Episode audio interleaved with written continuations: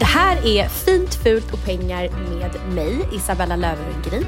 Och mig, Anna Björklund. Är gamla sossar fortfarande att lita på? Hur mycket kaviar äter de riktigt rika? Stämmer Kakan Hermanssons eh, maktanalys av psykiatrin? Och vad lär vi oss av Berlusconi? Det här är Fint, fult och pengar. Jag slungades in i eh, det här obehagliga psykisk ohälsa internet efter vårt förra avsnitt och efter min kolumn i Aftonbladet. Eh, visste du att det fanns? Jag har inte läst eller fått höra någonting om vårt psykiska ohälsa poddavsnitt. Och jag tror det, är, så okay. det här är jättespännande att de skonade mig i det här.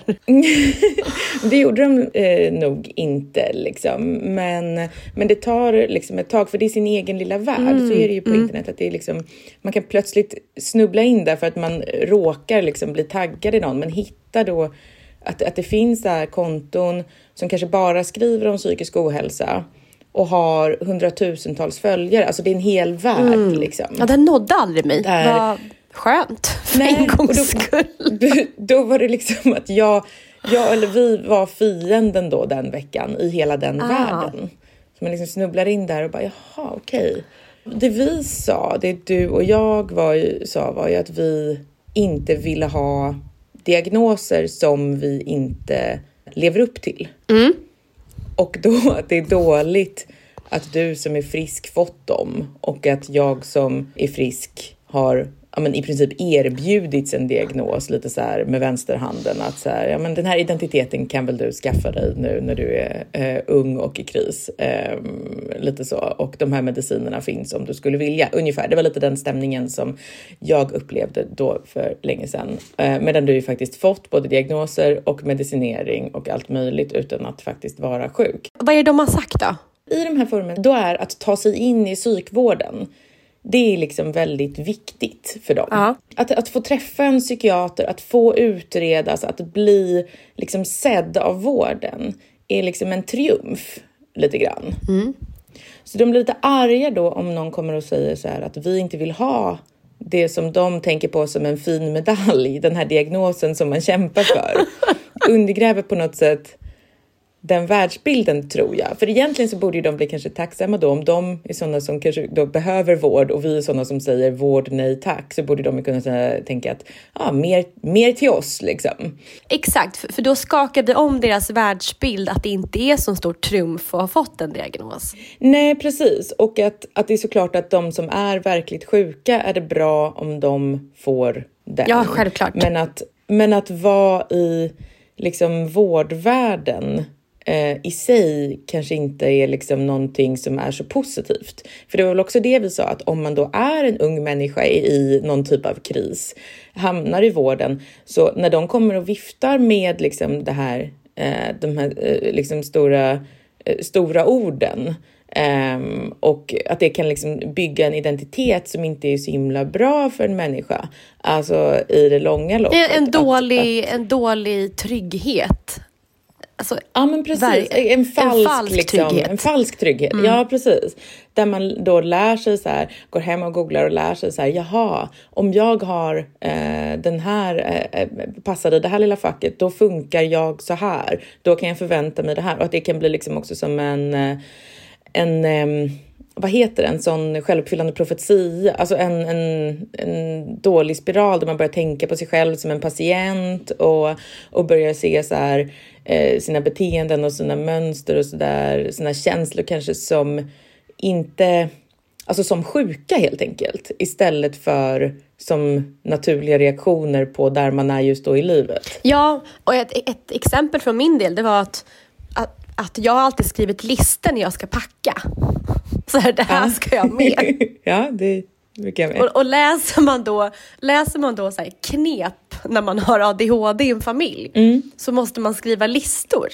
Mm. Då tänkte jag ju direkt, aha, det är därför jag skriver listor. för att jag har en ADHD. Just det, precis. Ja, alltså just ADHD är väldigt lätt att... Uh... Hitta symptomen på. Ja, ja, alltså ja. Jag blev lite så här när jag då blev in, inpingad i den här, eh, den här världen. Alltså det, det var lite som när man eh, snubblade in i transvärlden på internet som ju var lite samma stämning på det sättet att man, eh, de, de umgås ju också mycket genom den här typen av konton liksom, där som är, känns som att det är ganska separat från resten av internet. Alltså det är sin, e-, sin egen liksom lilla lilla värld där också ju att få ett erkännande av vården för vad man känner. Alltså det är ett sånt stort mål i sig. Eh, och att det kan liksom, det, det målas upp som det som ska lösa alla problem. Och att det, jag tror att det lurar människor, alltså oavsett vad man tänker liksom om, om transsexualitet i sig så. Alltså det, det verkar finnas precis som att det finns liksom psykiatriska diagnoser. Men den här stämningen eh, tror jag är så himla farlig. Alltså, om man liksom träffar en människa i vit rock som så ser en, då slipper man ta hand om sitt eget lidande utan man lämnar över det till någon annan och då tänker man på det som att då är allting löst. Förstår du vad jag menar?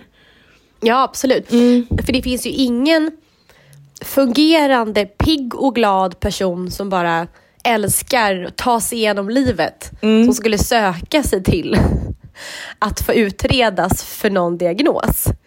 Alltså, så Nej. fort du söker dig till sjukvården så har du någon så problematik i ditt mående. Ja, precis. Så det blir den typen av klunga människor som samlas där av sig själv. Ja, precis. Och uh, exakt. Och det, jag tror att alltså, när man pratar om så här, att, att den psykiska ohälsan ökar i samhället. Jag tänkte bara på det att det är ju liksom inte då de här stora tunga psykiatriska diagnoserna som ökar, utan det är ganska konstant. Liksom. Men däremot det här allmänna dåliga måendet, alltså de som just hänger lite runt psykiatrin och är lite där ibland, men då inte får den här ultimata bekräftelsen som är den stora diagnosen. Exakt. De blev då missnöjda av det vi sa. Och en av de som blev missnöjd och liksom arg på mig då var Kakan Hermansson. Som mm, i det här... Vilken, eh, gud vilken chock. Ja, hon, eh, hon kan jag säga är poppis i de här eh, liksom psykiatrifansens eh, eh, sammanhang. Vad har hon för diagnos då? Jag vet faktiskt inte. Um, jag har ingen koll. Men hon, eh, hon är aktiv där i den stämningen i alla fall och skrev då att, eh, att det var eh, nyliberalt och utan maktanalys, det som jag och du sa. Vilket jag tyckte var intressant, för det finns ju så här Alltså att liksom dra in en så politisk ehm, eh, tolkning av det. För det finns ju olika sätt att se på psykisk ohälsa. Eh, alltså olika politiska sätt. Liksom. Och på 1900-talet så stod det ju lite mellan en mer så sociologisk tolkning och en mer psykologisk eller psykiatrisk. Och, och där då den, den sociologiska, det är att om folk mår dåligt så, så är det liksom att samhället skapar sjukdom. Alltså typ att om, om fler behöver en ADHD-diagnos till exempel för att ta sig igenom skolan, då kanske det är skolan det är fel på, inte barnet i sig. Liksom. Mm. Det är den lite mer sociologiska beskrivningen och det är lite det vi sa. Och det mm. är också den, alltså den klassiska vänsteridén. Liksom. Alltså att man ska skapa då ett friskare samhälle för att få friskare människor. Liksom. Så tänkte man mycket på 1900-talet i alla fall. Mm. Men den mer nyliberala, om man ska prata så här kakanspråk, eh, det är ju den här eh, psykiatriska förklaringen, alltså som är så poppis i de här psykisk ohälsa-forumen. Alltså att om, man, om någon visar ett visst beteende, eh, då ska det beteende, om det inte är ett bra beteende så ska det beteendet behandlas bort, liksom punkt. Mm. Och det tycker jag är alltså kanske att sakna en maktanalys. För, och dels, för dels så lägger det jättestort ansvar på den här människan då som, som ska skaka sig av det här helt själv.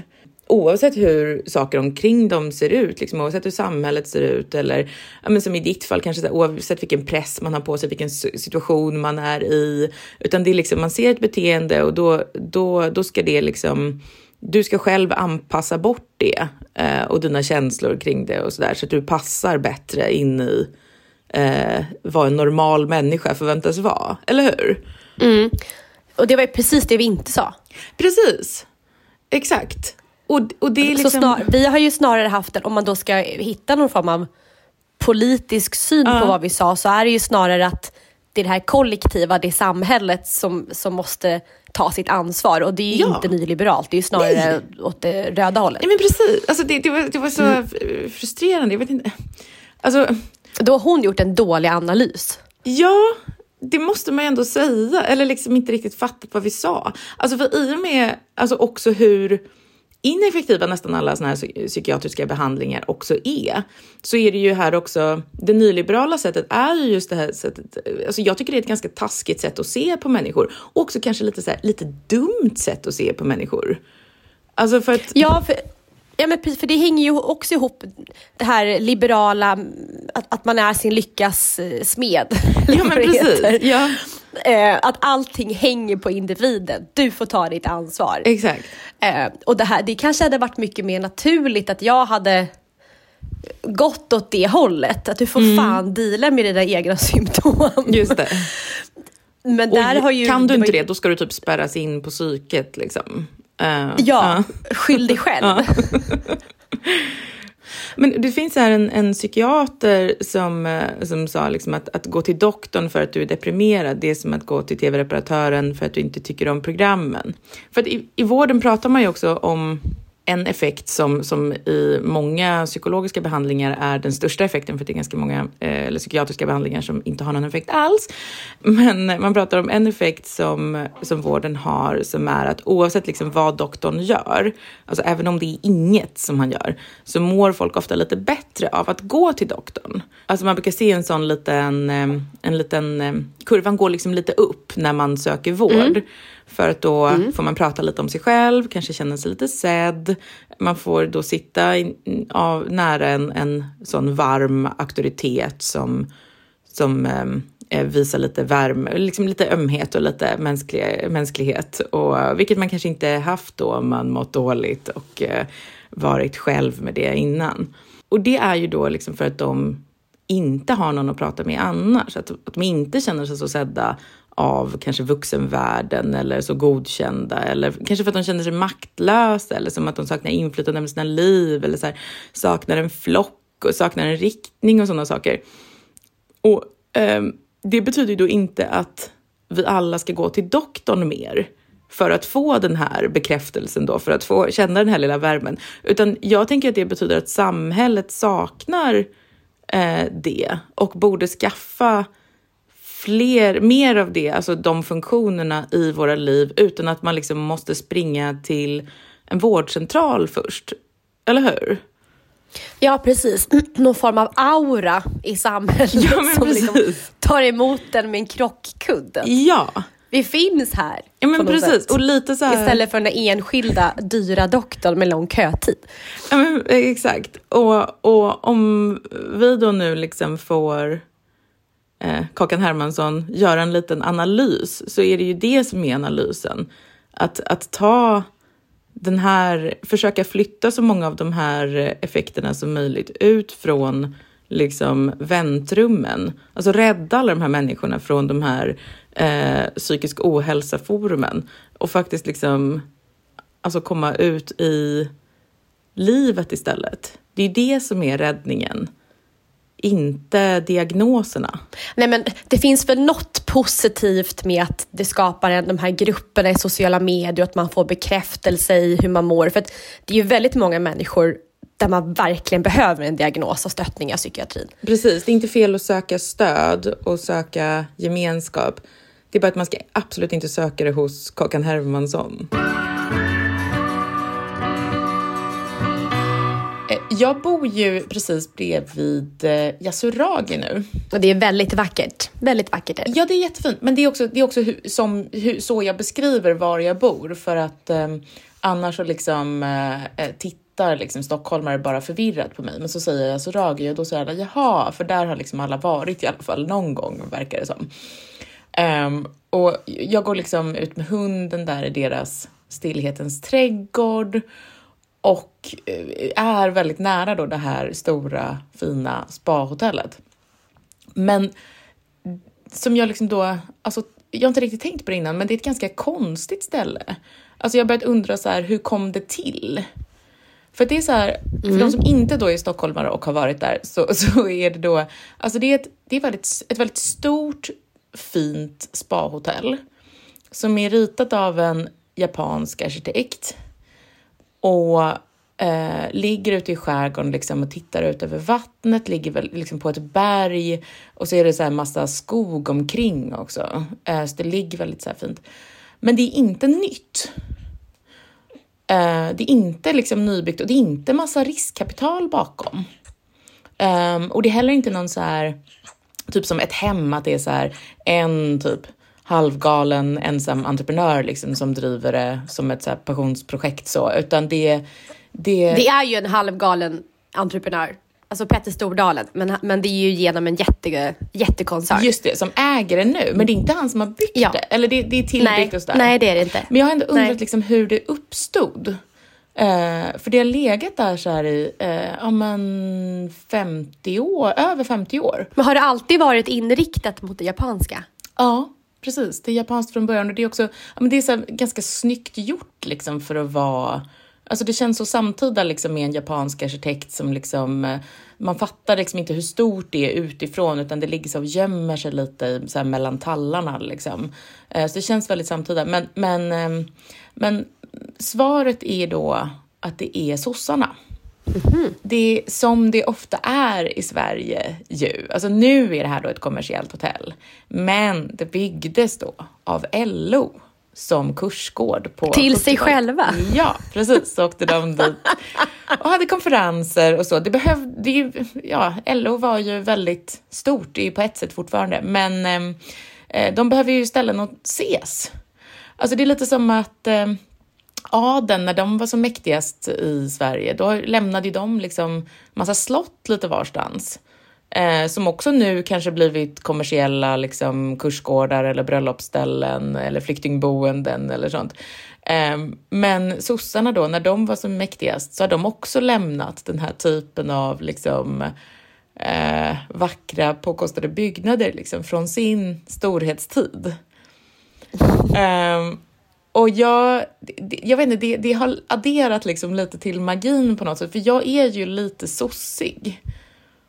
Alltså jag, jag mm. röstar inte, så jag vet, för jag vet inte om, jag tycker inte att min roll är liksom att välja sida riktigt på det sättet. Men, men jag, liksom, jag hatar inte sossar. Jag tycker att det är, ja, men dels jag kanske tycker att det är så här rätt vettigt med liksom ett trygghetssystem då i kombination med att man låter företag finnas och så. Det känns ganska så här grundsmart. Och så gillar jag också då Socialdemokraternas historia. Alltså att jag tycker att Yasuragi är liksom ett balt bygge. Alltså jag tycker att Ordförande mm. Persson är den bästa tv-serie som gjorts i Sverige. Ja, gud ja. Jag håller med. Jag håller med. Så jag gillar liksom sossar så. Um, jag har inte heller någonting emot det. Nej. Alltså, verk, nej, det är, det är väldigt... Nej. Jag hade gärna sett en regering som hade varit med Moderaterna och Socialdemokraterna. Ja, just det. Du är den sortens moderat. Ja, mm, jag förstår. Um, jag förstår precis. Um, men ibland då, så fast jag då har den här inställningen, grundinställningen, liksom, så dyker det ju upp exempel på att socialdemokrati alltså inte är ett perfekt system. Eller kanske inte är en bra idé alls i, eh, i vår tid. Jag vet inte. Och det senaste exemplet är ju då SBB, Samhällsbyggnadsbolaget. Mm. Ett börsnoterat ja. företag som nu är väl i princip konkursmässigt. Eh, där... Och det är väl det mest, eh, mest ägda bolaget av alla småsparare i Sverige. Är det sant? Ja. Ett av dem i alla fall, ja. om inte det toppar. Ah, jävlar, okej. Okay. Um, ehm, och som då eh, där vdn varit och han som har eh, drivit det väldigt eh, aktivt och framgångsrikt har varit en eh, gammal socialdemokratisk politiker som heter Ilja Batljan. Och, och det, det, är mycket av den anledningen till att bolaget har varit så stort bland småsparare, för det känns ja. legitimt och tryggt ja, med socialdemokrat precis. bakom. De småsparare känner inför honom eh, som, som jag känner för Yasuragi. Liksom. Att det känns, att det, det, det, känns härligt att det osar liksom, av gammal socialdemokrati. Det, det, man dras liksom till den doften bara. Men eh, alltså, jag, då, när man ska förstå vad som har hänt egentligen så det känns ju lite konstigt. Så här, varför klarar inte det här det här supersolida liksom, ja, samhällsbyggnadsbolaget, det heter ju till och med det. Varför klarar inte det liksom en, en liten räntehöjning utan att och, och liksom i princip kollapsa? Alltså det, det, det, det är ju ointuitivt, eller hur? Så då lyssnade jag på Daniel Suvonen som är, jag vet inte om, om alla vet vem han är, men han är också en sosse. Eh, han driver, eh, eller chef för tankesmedjan Katalys som är Socialdemokraternas tankesmedja. Och han förklarar eh, vad som har hänt på ett väldigt bra sätt tycker jag. Ilja Battlan är liksom min veckas person. Han hänger kvar i mig. Han avgick ju för någon vecka sedan här men hela det här liksom SBB liksom med alla de här kommunalråden nu som liksom efter världens kranka blekhet så liksom inser de att det var fel att sälja sitt kommunhus, sälja sin morsa, sälja allting till Battlan. Och liksom det här klassiska, om någon kommer med ett erbjudande, lite som Henrik Jönsson gör hela tiden, som låter för bra för att vara sant.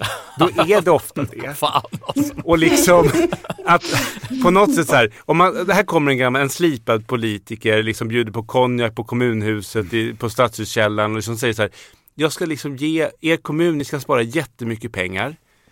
Och sen kan ni köpa aktier och där ska ni bli jätterika och det ska vara otrolig utdelning. Men det enda vi behöver för den här otroliga utdelningen är att ni chippar in ännu mer i en nyemission. Så att det är ständiga nyemissioner, ständiga liksom expansioner. Det är liksom ett det är ett riktigt jävla pyramidspel han har byggt upp. Och så började liksom Stefan Ingves innan han ska avgå återföra räntan till någon sån här 2 liksom. Och då kraschar alltihopa. Mm. Visst kan man förstå liksom vad det är Daniel Suhonen beskriver? Alltså jag har så lätt att se det här framför mig, liksom, hur den här liksom karismatiska, liksom, lite kända gubben kan åka runt liksom, från kommun till kommun där det finns så mycket pengar tack vare socialdemokratin och det finns så mycket egendom och han kan åka runt och liksom hova in det.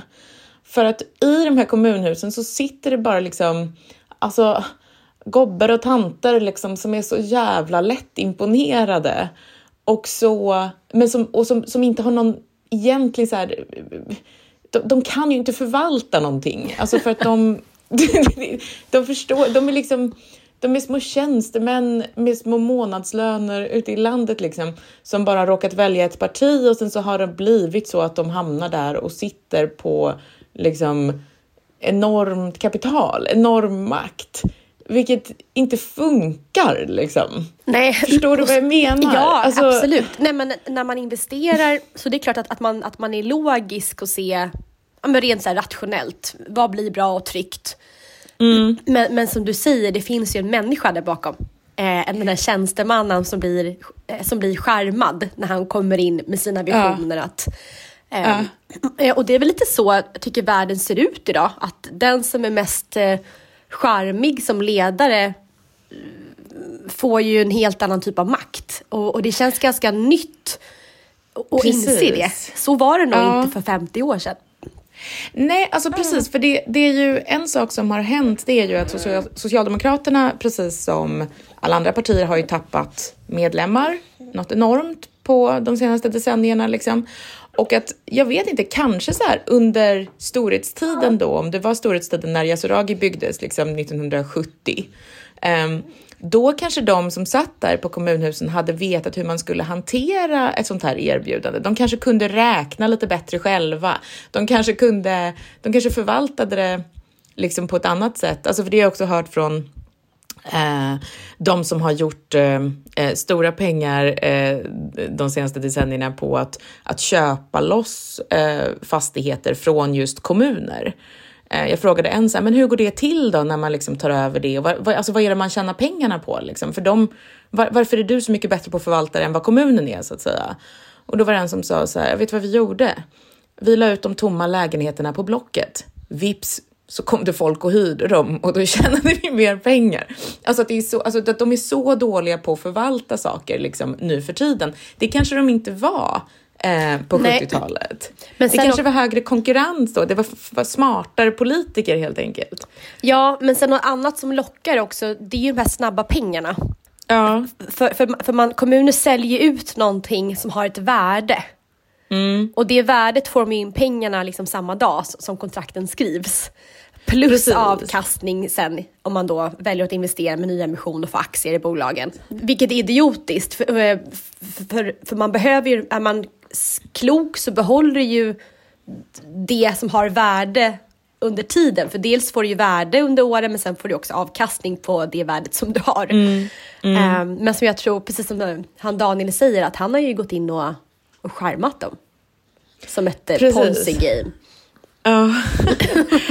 alltså, och, det, och det är ju, alltså för det här är ju liksom inte den enda Det kommer ju några sådana varje år där det är just så här, ja men någonting har upphandlats. Eh, man har, man har, det klassiska är väl att man säljer en vårdcentral och då tror alla att det är för att politiker är väldigt korrupta eller så. Men det kan också tror jag bara vara att politikerna är väldigt dumma, att de inte vet vad den är värd. Det kommer mm. någon och säger så här, kan inte jag få köpa den? Här får du liksom någonting som låter som jättemycket pengar. Och så är det inte det, för de vet inte hur man värderar någonting. Liksom. Alltså att, att det här med liksom att eh, eh, kommuner ska ska just äga och driva och förvalta en massa saker. Det funkar ju bara om också politiken och då ja, ofta, vilket ju ofta i Sverige är liksom Socialdemokraterna, alltså lockar till sig jättemycket bra folk som kan sitta och göra det.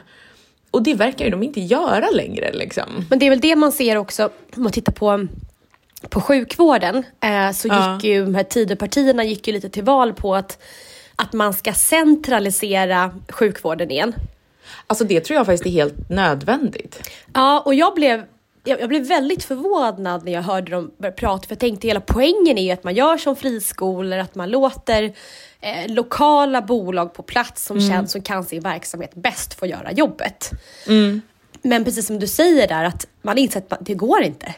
Så Nej, man måste börja liksom backa. Någon Eh, precis, alltså hela eh, kanske pandemigrejen då, liksom, att ingen är ansvarig och helt plötsligt har någon region bara struntat i att köpa in tillräckligt, tillräckligt många sådana här plastförkläden eller vad fan det var. Så ja, ah, då kan vi inte operera någon här på några månader. Alltså den typen av, och så, men ingen kan få sparken heller och ingen, alltså det, för att det bara för då alltså, har sossarna gjort hela... glas, så då har vi jättetuff lag om anställningsskydd. Fan vad de sabbar för sig själva. och de här tjänstemännen sitter liksom väldigt tryggt för att eh, alltså, ja, det är inte deras pengar och det är inte deras eh, eh, ja, det är ju deras ansvar, men det, de är väldigt svåra att peka ut också. Liksom. Så att, nej, jag vet inte. Det, det, eh, även jag som eh, någon slags eh, kryptososse blir, blir eh, jag, jag, tror bara liksom att det här, det här är ett problem som, som eh, Alltså vi måste, vi måste lite lösa det. Jag tror, lägg ner alla landsting precis som eh, KD är det väl som föreslår det. Kanske måste lägga ner alla kommuner också. Det, liksom, det, det, det behövs. Allting styrs med järnhand från Stockholm. Allt, alla ja. lokala beslut, allt. Det blir inget lokala beslut längre. Stockholm vet Nej, bäst vet av alla städer. Okej, okay, kanske inte, men...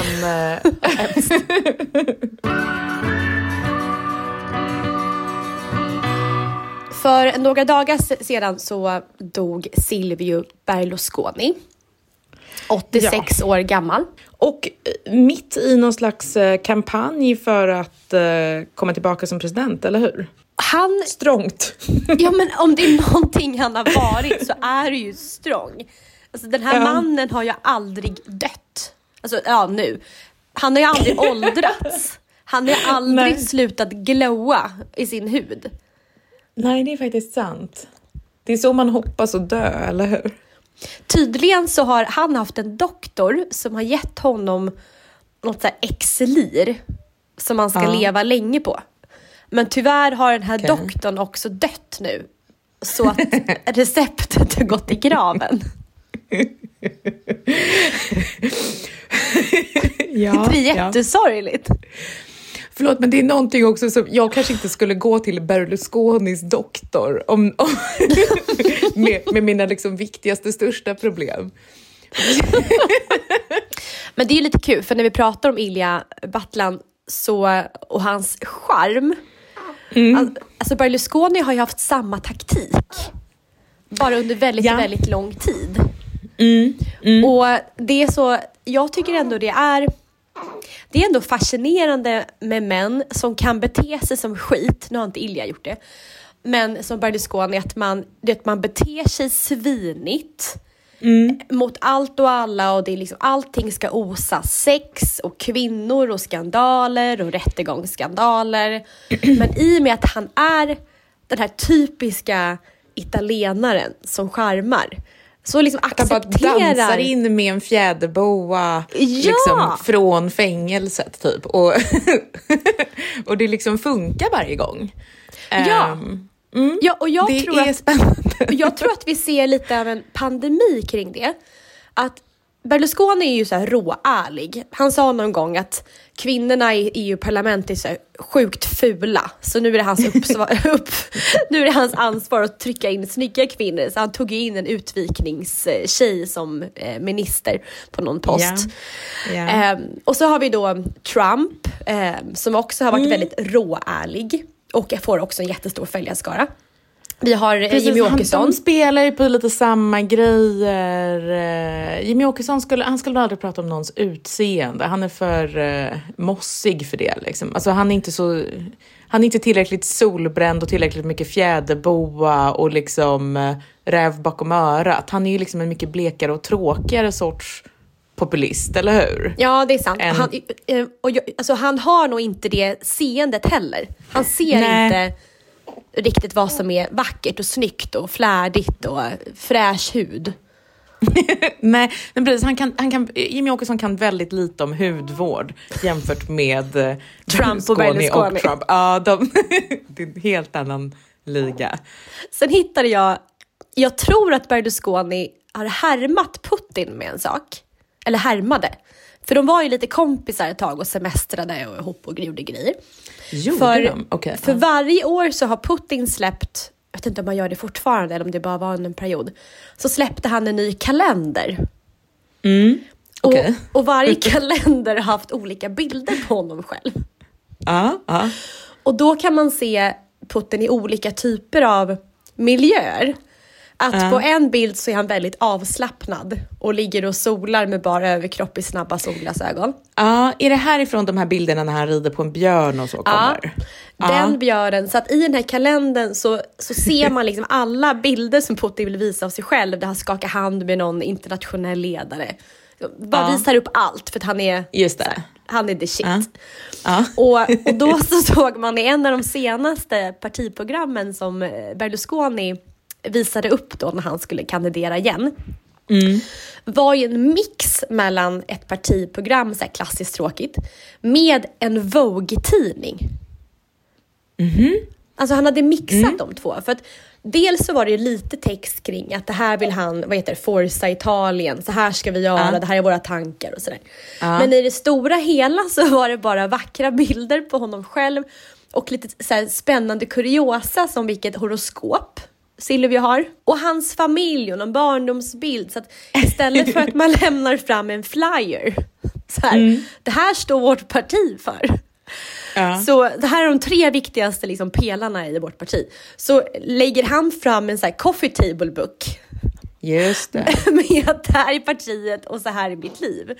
Ja. Och jag, jag gillar bara det. Jag kom fram till när, de, när jag, nyheten kom när han hade gått bort, att jag ändå gillade, in, inte hans handlingar kanske, ja. men jag gillar ändå hans sätt. Det här att mm. vara den här charmiga italienaren, man kampanjar på ett sätt som inga andra kampanjar på. Men då tänker jag bara så här, det är ju EU-val snart, EU-parlamentsval. Om, tror du att Sara Skyttedal skulle kunna göra något liknande? Superpolerad. Hon är ju väl alltid lite solbränd. Är hon gammal spinninginstruktör? Precis, hon är gammal spinninginstruktör, absolut. Jag kan, jag kan, jag kan se, av, av alla jag vet så kan jag se henne. Hon har väl också tagit sådana bilder när hon ligger liksom eh, på Eh, både eh, posera bredvid en tankvagn har hon gjort, men också så på en sportbil och lite sånt. Jag kan nog tänka mig, nu tror jag att hon har något lyxigt strandhus så som Berlusconi har, men om hon skulle ha så skulle hon garanterat ta lite så här raffiga bilder i det strandhuset och kanske eh, ge ut dem på ett ett glossigt papper, eller hur? Ja, om sig själv. Och här är ja. jag, här är lite information om eh, mitt horoskop och vad jag tycker till om det här. Precis. Hon är också och... råärlig kring känsliga frågor. Och... Exakt. Och mig kan ni hålla i handen och här dricker jag champagne. Var det här Fint, fult och pengar? Det här var det och eh, mm. ni kan lyssna på Fint, fult och pengar varje torsdag. Det är sant. Och vet du en grej jag tänkte på? Eh, om man har kommit så här långt i podden så eh, då kanske man kan, för att när vi eh, började göra den här så var det en massa människor som recenserade oss som jag tror inte tycker om oss. Eh, om, man, om man har kommit så här långt eh, eh, i det här avsnittet då kanske man faktiskt tycker om oss. Och kan man inte då gå in och eh, göra en rec liten recension för att väga upp de, de första som ligger där nu? Det vore, det vore väl schysst tycker jag. Det finns ingenting jag har gjort någonsin som har fått massa bra eh, recensioner. Alltså ingenting. För den här hatstormen är så stor så jag har aldrig förväntat mig några positiva recensioner i någonting någonsin. Gör Bella glad, lämna... Överraska Bella nu. Eh, och lämna en positiv recension. Chocka henne. Hej då. Hej.